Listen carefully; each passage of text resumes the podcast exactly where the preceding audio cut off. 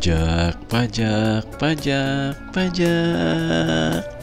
Hmm, semua aja dipajakin. Kenapa sih harus bayar pajak? Buat apa coba bayar pajak? Pusing ah urusan pajak. Eh, makanya yuk seru-seruan ngomongin pajak di podcast TP Biar kamu tahu kalau pajak penting banget buat kamu, aku, mereka, dan kita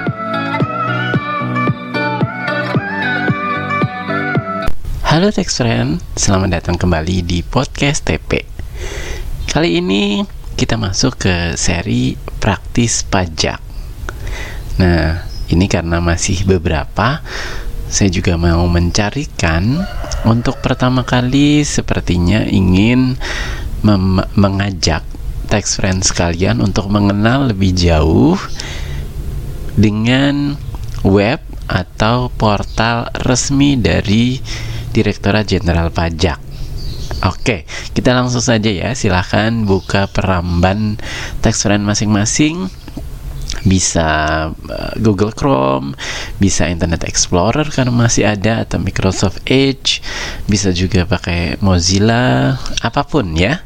Nanti langsung silahkan ketikkan di www.pajak.go.id pastikan juga untuk koneksi internet laptopnya juga sudah oke okay gitu ya atau perangkat komputernya begitu oke okay. jadi untuk koneksi internetnya biar lebih cepat ini kalau saya sepertinya nih koneksi internetnya lumayan tapi laptopnya yang perlu di upgrade sehingga jadi lebih cepat begitu kalau untuk masuk Oke, ini tampilan sementaranya.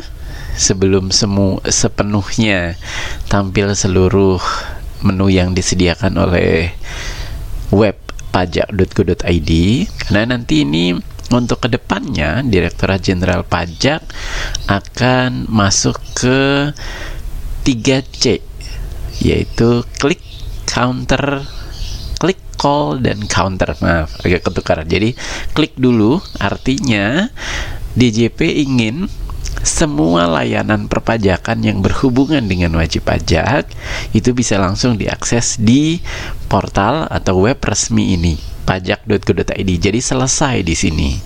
Jika nantinya layanan tersebut ternyata masih belum tersedia atau ada lanjutan yang harus dikerjakan, maka beralih ke step berikutnya yaitu call. Nah, call ini nanti akan dihubungkan dengan agen yang ada di kring pajak atau kalau di internal DJP menyebutnya kantor layanan informasi dan pengaduan. Nanti ke sana ya diarahkannya. Jika klik di web pajak.go.id belum selesai. Dilanjutkan ke call kering pajak belum selesai juga. Maka dilanjutkan untuk C yang ketiga atau C yang ketiga yaitu counter.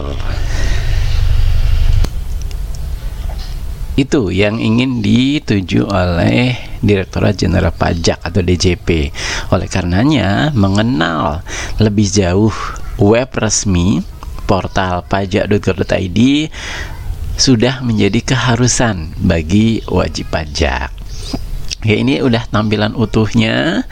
Jadi ada di sini di pojok di atas bagian atasnya ya ada nanti profil. Ini secara umum dari Direktur Jenderal Pajak mulai dari overview-nya, visi, misi, tujuan, tugas dan fungsi, logo hingga uh, daftar unit kerja. Nah, bagi tax friend sekalian yang misalnya ingin ada layanan perpajakan di beberapa kantor dan tidak tahu di mana lokasi kantornya, bagaimana cara berhubungan dengan kantornya, bisa ngeklik di unit kerja. Nanti di sana akan ditampilkan seluruh informasi dari unit kerja di lingkungan Direktorat Jenderal Pajak. Berikutnya ada peraturan, jadi ini juga sudah disediakan link khusus atau halaman khusus untuk pencarian peraturan, lalu kurs yang berlaku dan tarif bunga yang ini digunakan untuk penghitungan sanksi administrasi maupun pengembalian imbalan bunga. Berikutnya ada menu unduh atau ini dalam bahasa Inggrisnya download. Ini oh ya, maaf sebelumnya kita geser dulu ke pojok kanan atas ya. Di sini ada ID dan EN. Jadi kalau misalnya tax friend ingin atau kawan pajak ingin menggunakan dalam bahasa Indonesia, secara default bahasa Indonesia nanti ID. Kalau misalnya mau bergeser menjadi dalam bahasa Inggris, tinggal diklik di EN. Jadi nanti akan uh, berganti menjadi tampilan webnya dalam bahasa Inggris. Ya, seperti ini ya. Jadi nanti kalau dalam bahasa Inggris berarti profile, regulation, download, public information, international, tematik, dan juga tax reform. Kita balikan ke bahasa Indonesia ya. Kembali lagi ke menunya. Tadi ada profil, lalu peraturan, unduh atau download. Berikutnya ada informasi publik, ada daftar informasi publik, lalu juga anggaran dan realisasi keuangan sampai dengan penyediaan pembicara, pembahas atau moderator pada kegiatan yang akan diselenggarakan oleh wajib pajak. Berikutnya ada juga menu internasional. Ini mengatur tentang APA dan MAP, Mutual Agreement. Ini perjanjian-perjanjian ya dengan Direktorat Jenderal Pajak dengan otoritas perpajakan dunia lainnya di negara lain ada pertukaran informasi hingga informasi terkait dengan tax, tax treaty atau P3B pengaturan penghindaran eh, penghindaran pajak berganda lalu juga ini te tematik. Jadi kalau tematik ini adalah secara tema jadi ini yang diangkat oleh Direktorat Jenderal Pajak yang ingin dibahas pada saat ini itu apa saja. Nah yang terbaru itu adalah Undang-Undang Harmonisasi Peraturan Perpajakan. Untuk overviewnya Tax Friend sudah bisa ya menyimak di podcast sebelumnya yang seri 1 seri teori pajak tentang overview undang-undang harmonisasi peraturan perpajakan nanti kita sambung podcastnya per masing-masing pengaturannya sesuai dengan klasternya Lalu di sini juga ada informasi terkait dengan reformasi perpajakan. Silakan nanti untuk sex friend yang ingin mengetahui satu demi satu, silakan masuk ke menu-menu yang disediakan. Lalu berikutnya di sini di bawahnya itu ada seperti biasa web, ada beranda atau halaman depan. Eh, jika Anda atau wajib pajak adalah berupa wajib pajak badan, bisa klik di sini nanti akan muncul yang terkait atau yang disediakan khusus untuk wajib pajak badan. Jadi langsung dikeluarkan untuk yang terkait dengan selain wajib pajak badan tidak akan ditampilkan. Lalu untuk orang pribadi ini juga dibedakan menjadi dua, orang pribadi karyawan atau yang melakukan kegiatan bebas. Misalnya kita coba klik untuk yang karyawan akan muncul lagi yang kira-kira diperlukan atau uh, yang perlu diketahui oleh wajib pajak orang pribadi karyawan. Nah, berikutnya ada wajib pajak instansi pemerintah. Ini bendahara yang untuk beberapa tahun uh, tahun lalu ya mulainya itu sudah dikhususkan wajib pajak instansi pemerintah memiliki NPWP yang berbeda gitu ya. Jadi ada ada pengaturan baru terkait dengan wajib pajak instansi pemerintah. Lalu berikutnya di sini ada konsultan pajak. Nah, ini adalah halaman yang diperuntukkan untuk konsultan pajak maupun untuk wajib pajak. Jadi ini sebenarnya misalnya kalau wajib pajak ingin melaksanakan hak dan kewajibannya diwakili atau dikuasakan kepada konsultan pajak. Nah, kira-kira di sini bisa dicari untuk mengetahui atau memilih konsultan pajak yang mana yang cocok untuk wajib pajak sekalian. Lalu di sini adalah PJAP atau penyedia jasa aplikasi perpajakan ini adalah mitra dari DJP yang membantu untuk pelaksanaan hak dan kewajiban wajib pajak dalam proses uh, keseluruhan perpajakan tapi biasanya hubungannya sama penghitungan, penyetoran dan pelaporan pajak. kita coba cek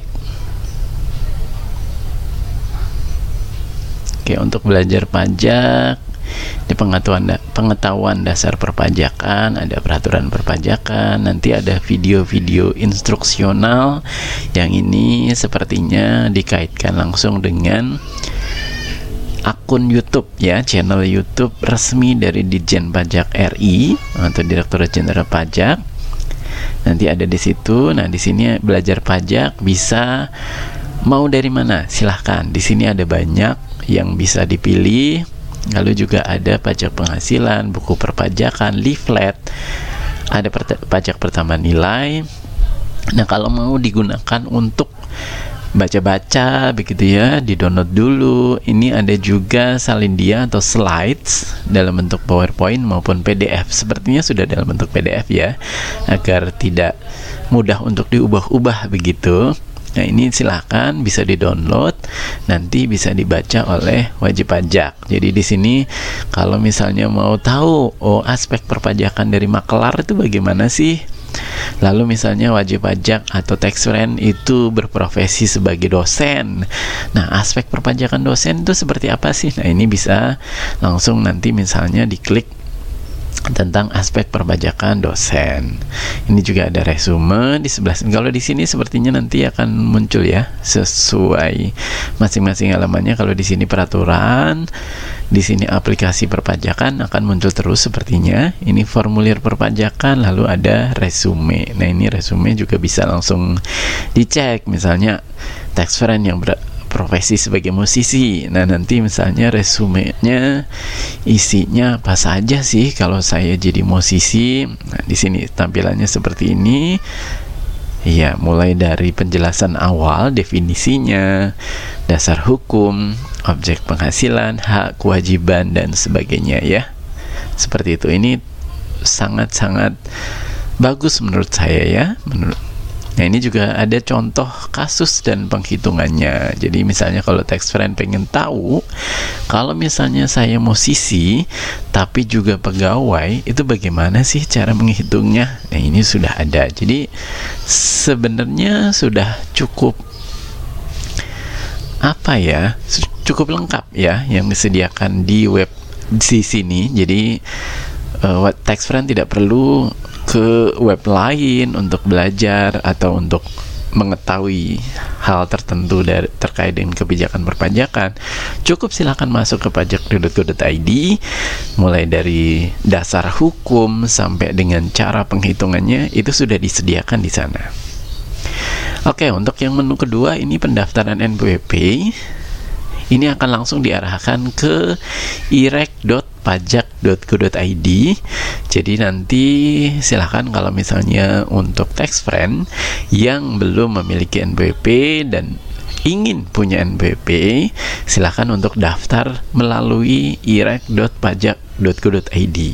Untuk tutorialnya juga sudah ada tadi di sana atau bisa juga berkunjung ke channel YouTube resmi dari Direktorat Jenderal Pajak untuk melihat langkah demi langkah pembuatan NPWP. Nah, ini simple banget.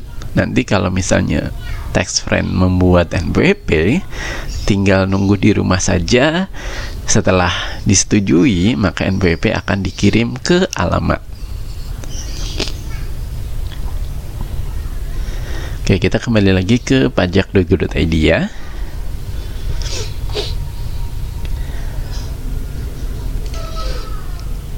Sekarang kita coba ke layanan digital. Ini akses menuju layanan digital DJP. Ini nanti sama. Kalau yang tadi di pojok kanan atas itu ada login. Kita coba nanti ya loginnya. Jadi seperti ini setiap kita maks masuk ke tadi layanan digital atau langsung login atau misalnya kita langsung ketikkan. Jadi kita sudah tahu nih di web pajak ini ada juga untuk pelaksanaan hak dan kewajiban kita sebagai wajib pajak kita langsung ketikkan djp online.pajak.go.id maka akan otomatis masuk ke laman ini Oke nanti ini kita coba untuk loginnya ya terakhir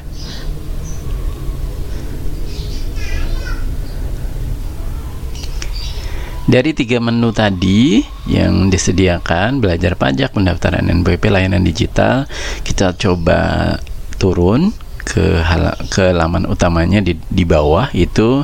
Ini sama ini karena masih hot ini tadi isu kalau yang di atas ini tadi bergerak ya. Eh, apa namanya isu-isu terkininya dilihatkan diperlihatkan secara sekilas-sekilas. Nah di sini yang us, isu utamanya isu utamanya ditampilkan nanti bisa langsung diklik lagi Oke, jadi nanti friend juga bisa langsung mengarah ke isu utama. Jadi kalau udah terlanjur ke bawah, tidak lagi melihat tadi yang slide uh, hot-hot isu gitu ya. Di sini juga ada yang saat ini menjadi hot isu di DJP itu ada pengesahan dari UU HPP. Jadi nanti silahkan kursornya diarahkan ke gambar UU HPP, maka kalau diklik akan mengarahkan ke isu terkini terkait dengan UU HPP. Sementara kalau kursor kita arahkan ke pajak tanggap COVID, maka juga ini akan mengarahkan ke pengaturan-pengaturan atau kebijakan perpajakan semasa pandemi COVID-19. Berikutnya di sini ada semacam ilustrasi gitu ya untuk mengingatkan wajib pajak. Ini di setiap bulannya, setiap bulannya akan di kompilasi atau diubah lagi ini adalah mengingatkan terkait dengan tenggat pajak baik penyetoran maupun pelaporan. Nah, di sini karena kita sudah masuk di bulan Desember, maka ini untuk mengingatkan bahwa pelaporan masa pajak November itu sudah dekat. Nah, ini untuk tanggal 10 Desember adalah penyetoran misalnya, tanggal 15 Desember untuk PPh pasal 25, tanggal 20 Desember untuk pelaporan SPT masa dan sebagainya. Lalu di sini seperti biasa ada tajuk pajak ini berita-berita ya. Lalu ditampilkan juga di laman utama ini atau di beranda itu adalah peraturan perpajakan di bawahnya ada artikel dan berita. Silahkan nanti kalau misalnya ini eh, berita-berita yang baik uh, dari media besar atau media massa gitu yang ada lalu dikaitkan kembali ke web pajak.go.id atau juga ada artikel yang ditulis oleh internal DJP yaitu para pegawai Direktorat Jenderal Pajak. Di sebelahnya ada info, info pajak, ini ada informasi-informasi mulai dari pengumuman, ada Nah, misalnya contohnya jadwal-jadwal kelas pajak yang disediakan oleh uh, kantor pelayanan pajak, baik yang dari seluruh Indonesia sepertinya ya. Kalau misalnya masuk, nanti akan masuk ke info pajak. Berikutnya ada siaran pers. Jadi kalau ada hal-hal tertentu yang ditanggapi melalui siaran pers, maka akan dikompilasi di bagian sini. Lalu ini ada kumpulan foto-foto yang juga di uh, kontribusi ya, dari kontribusi internal DJP, para pegawai DJP dari masing-masing kantor pajak akan membuat berita foto di sini ini juga ada info-info penting contohnya info lelang gitu info lelang yang bisa tax friend ikuti kalau lagi kepengen ikut lelang barang sitaan dari Direktorat Jenderal Pajak Lalu ini juga ada FAQ atau yang sering ditanyakan, disesuaikan. Ini sepertinya kalau dari web pasti yang disediakan di utama adalah yang sering dilihat ya, jadi yang trending dari semua menu tadi selalu bahwa yang ditampilkan paling hanya 5 sampai 10 ya. 5 sampai 10 yang tertinggi mungkin yang trending. Jadi kalau sobat atau tax friend lihat kok yang saya cari tidak ada mungkin bisa klik lihat semua nanti akan muncul indeks utama dari seluruh masing-masing menunya tadi misalnya FAQ ini kan ada tentang FAQ penyidikan, FAQ kode error e-form, FAQ kode error e-filing, tapi saya mau nyari FAQ tentang undang-undang harmonisasi peraturan perpajakan misalnya. Nanti silahkan coba diklik li lihat semua, kemungkinan akan muncul di sana. Ini sama juga kalau di sini sepertinya tadi uh, jadi semacam highlight gitu ya.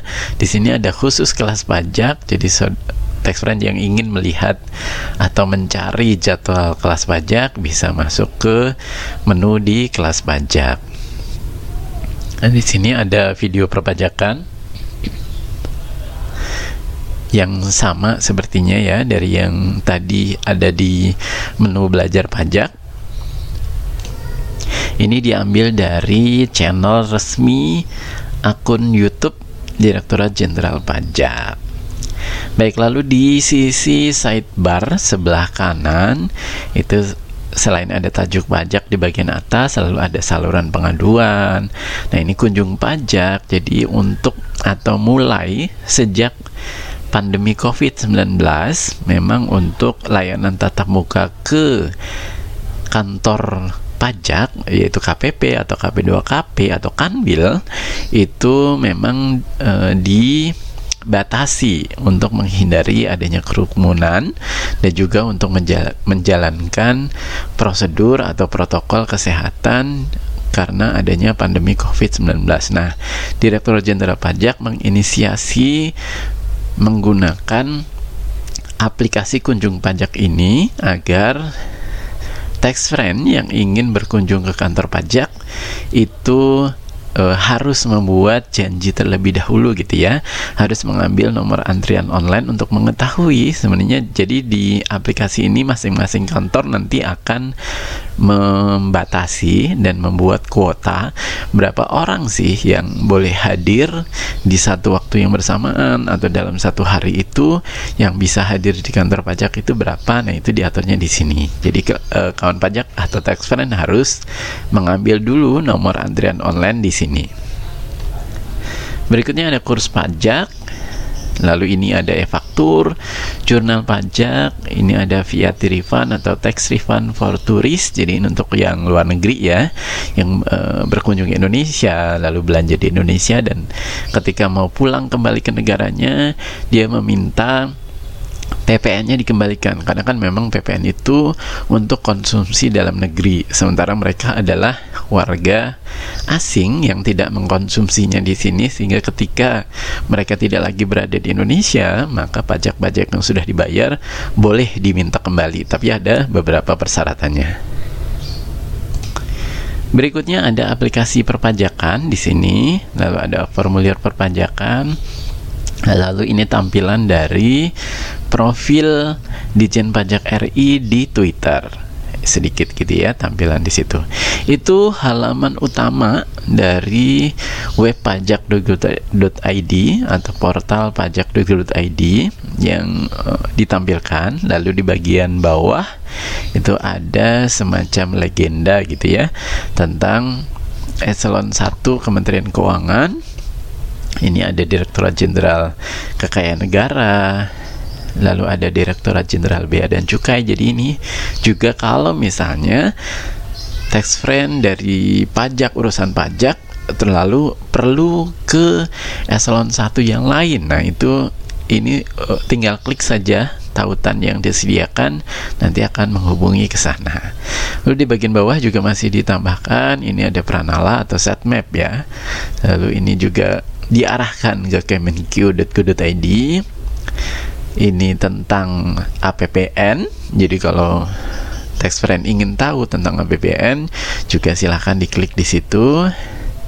Lalu ini edukasi pajak. Ini beberapa terkait dengan program-program edukasi perpajakan yang diselenggarakan oleh DJP reformasi perpajakan. Nah ini seperti biasa prasyarat dari pengguna jadi disclaimer gitu ya istilahnya.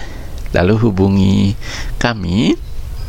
Dan juga kritik dan saran. Di paling bawah ada informasi tentang bahwa web ini adalah kepunyaan dari Direktorat Jenderal Pajak ada identitasnya lalu juga ada saran untuk mengikuti Direktorat Jenderal Pajak di Twitter di Facebook YouTube dan juga Instagram.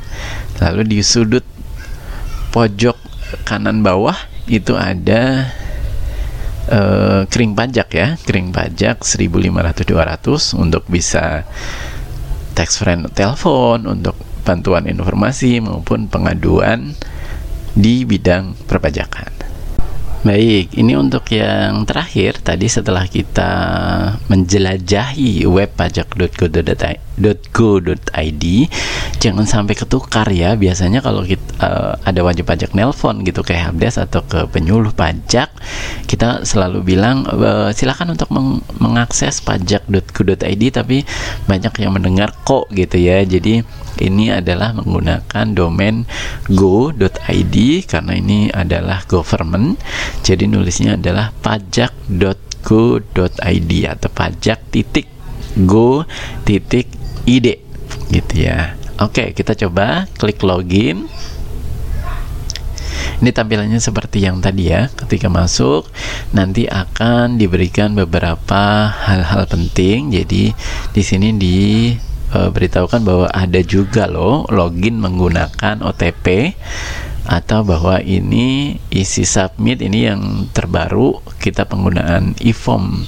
Yang terbaru juga penggunaan e-formnya itu versi PDF itu isi SPT-nya bisa offline. Nanti ketika lapor kita cukup ada jaringan internet maka klik submit itu udah otomatis terlapor SPT-nya kita klik ya tadi tanda silang.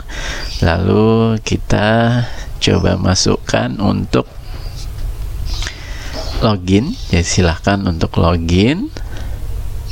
Yang sudah punya loginnya silahkan masuk. Jangan lupa ini ada kode captcha-nya juga. Ini berubah sesuai dengan kita mengaksesnya ya kalau tidak ada masalah maka seharusnya ketika kita klik login maka akan muncul otomatis uh, login ya masuk ke dalamnya. Oke di sini tampilan awalnya.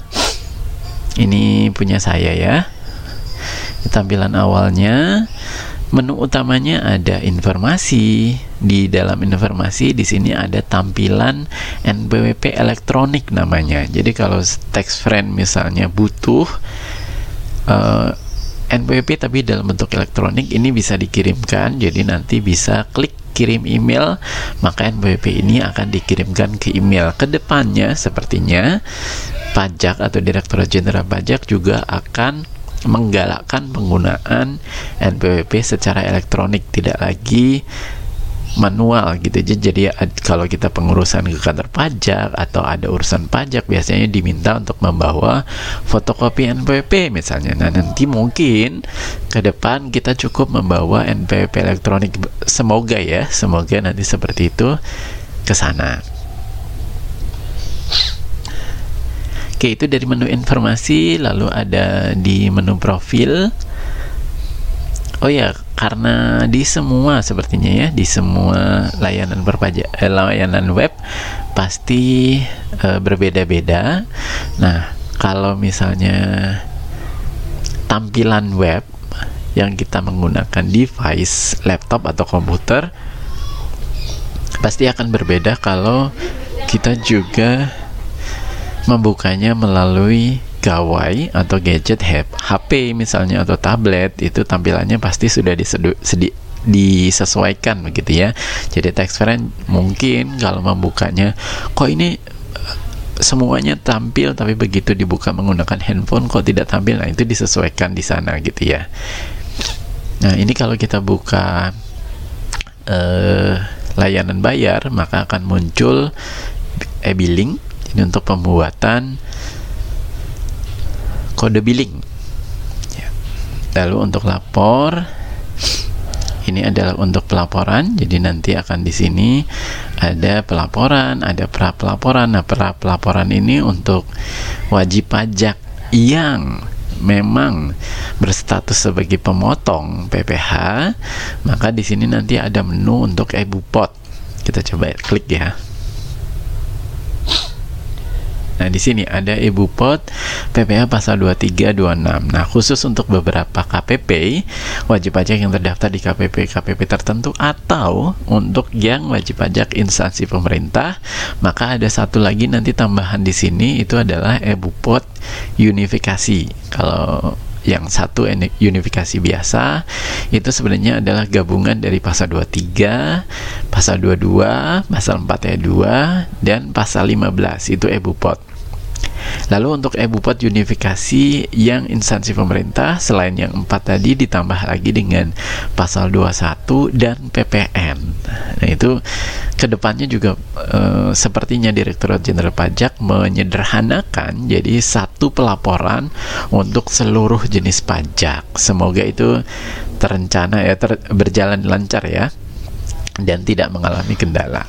Nah, khusus untuk wajib pajak orang pribadi, cukup masuk ke pelaporan, nanti ada pilihan masih disediakan e-filing, yaitu mengisi langsung di situs web, atau menggunakan e-form PDF yang kita unduh terlebih dahulu formnya atau formulir perpajakannya.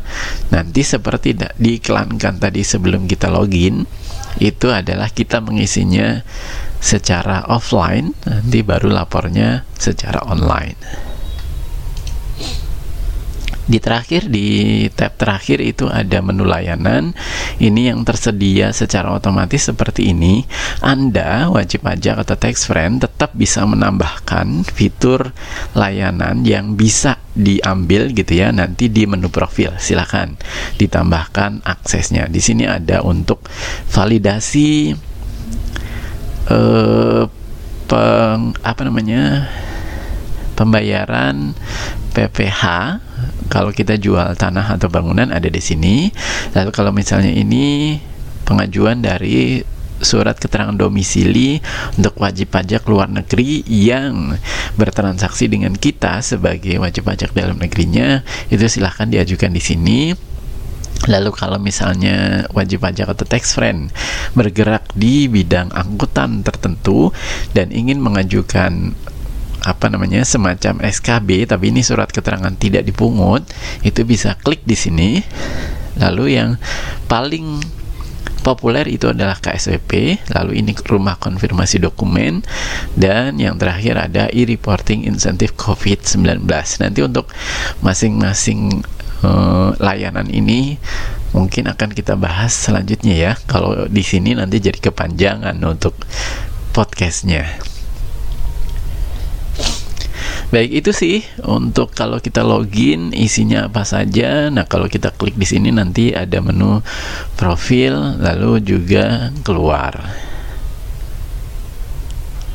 Oke, sepertinya itu dulu untuk pengenalan dari web resmi atau portal resmi dari Direktorat Jenderal Pajak yang ke depan pasti akan makin sering digunakan karena memang Direktorat Jenderal Pajak seperti tadi saya sudah bilang di awal akan menuju 3C.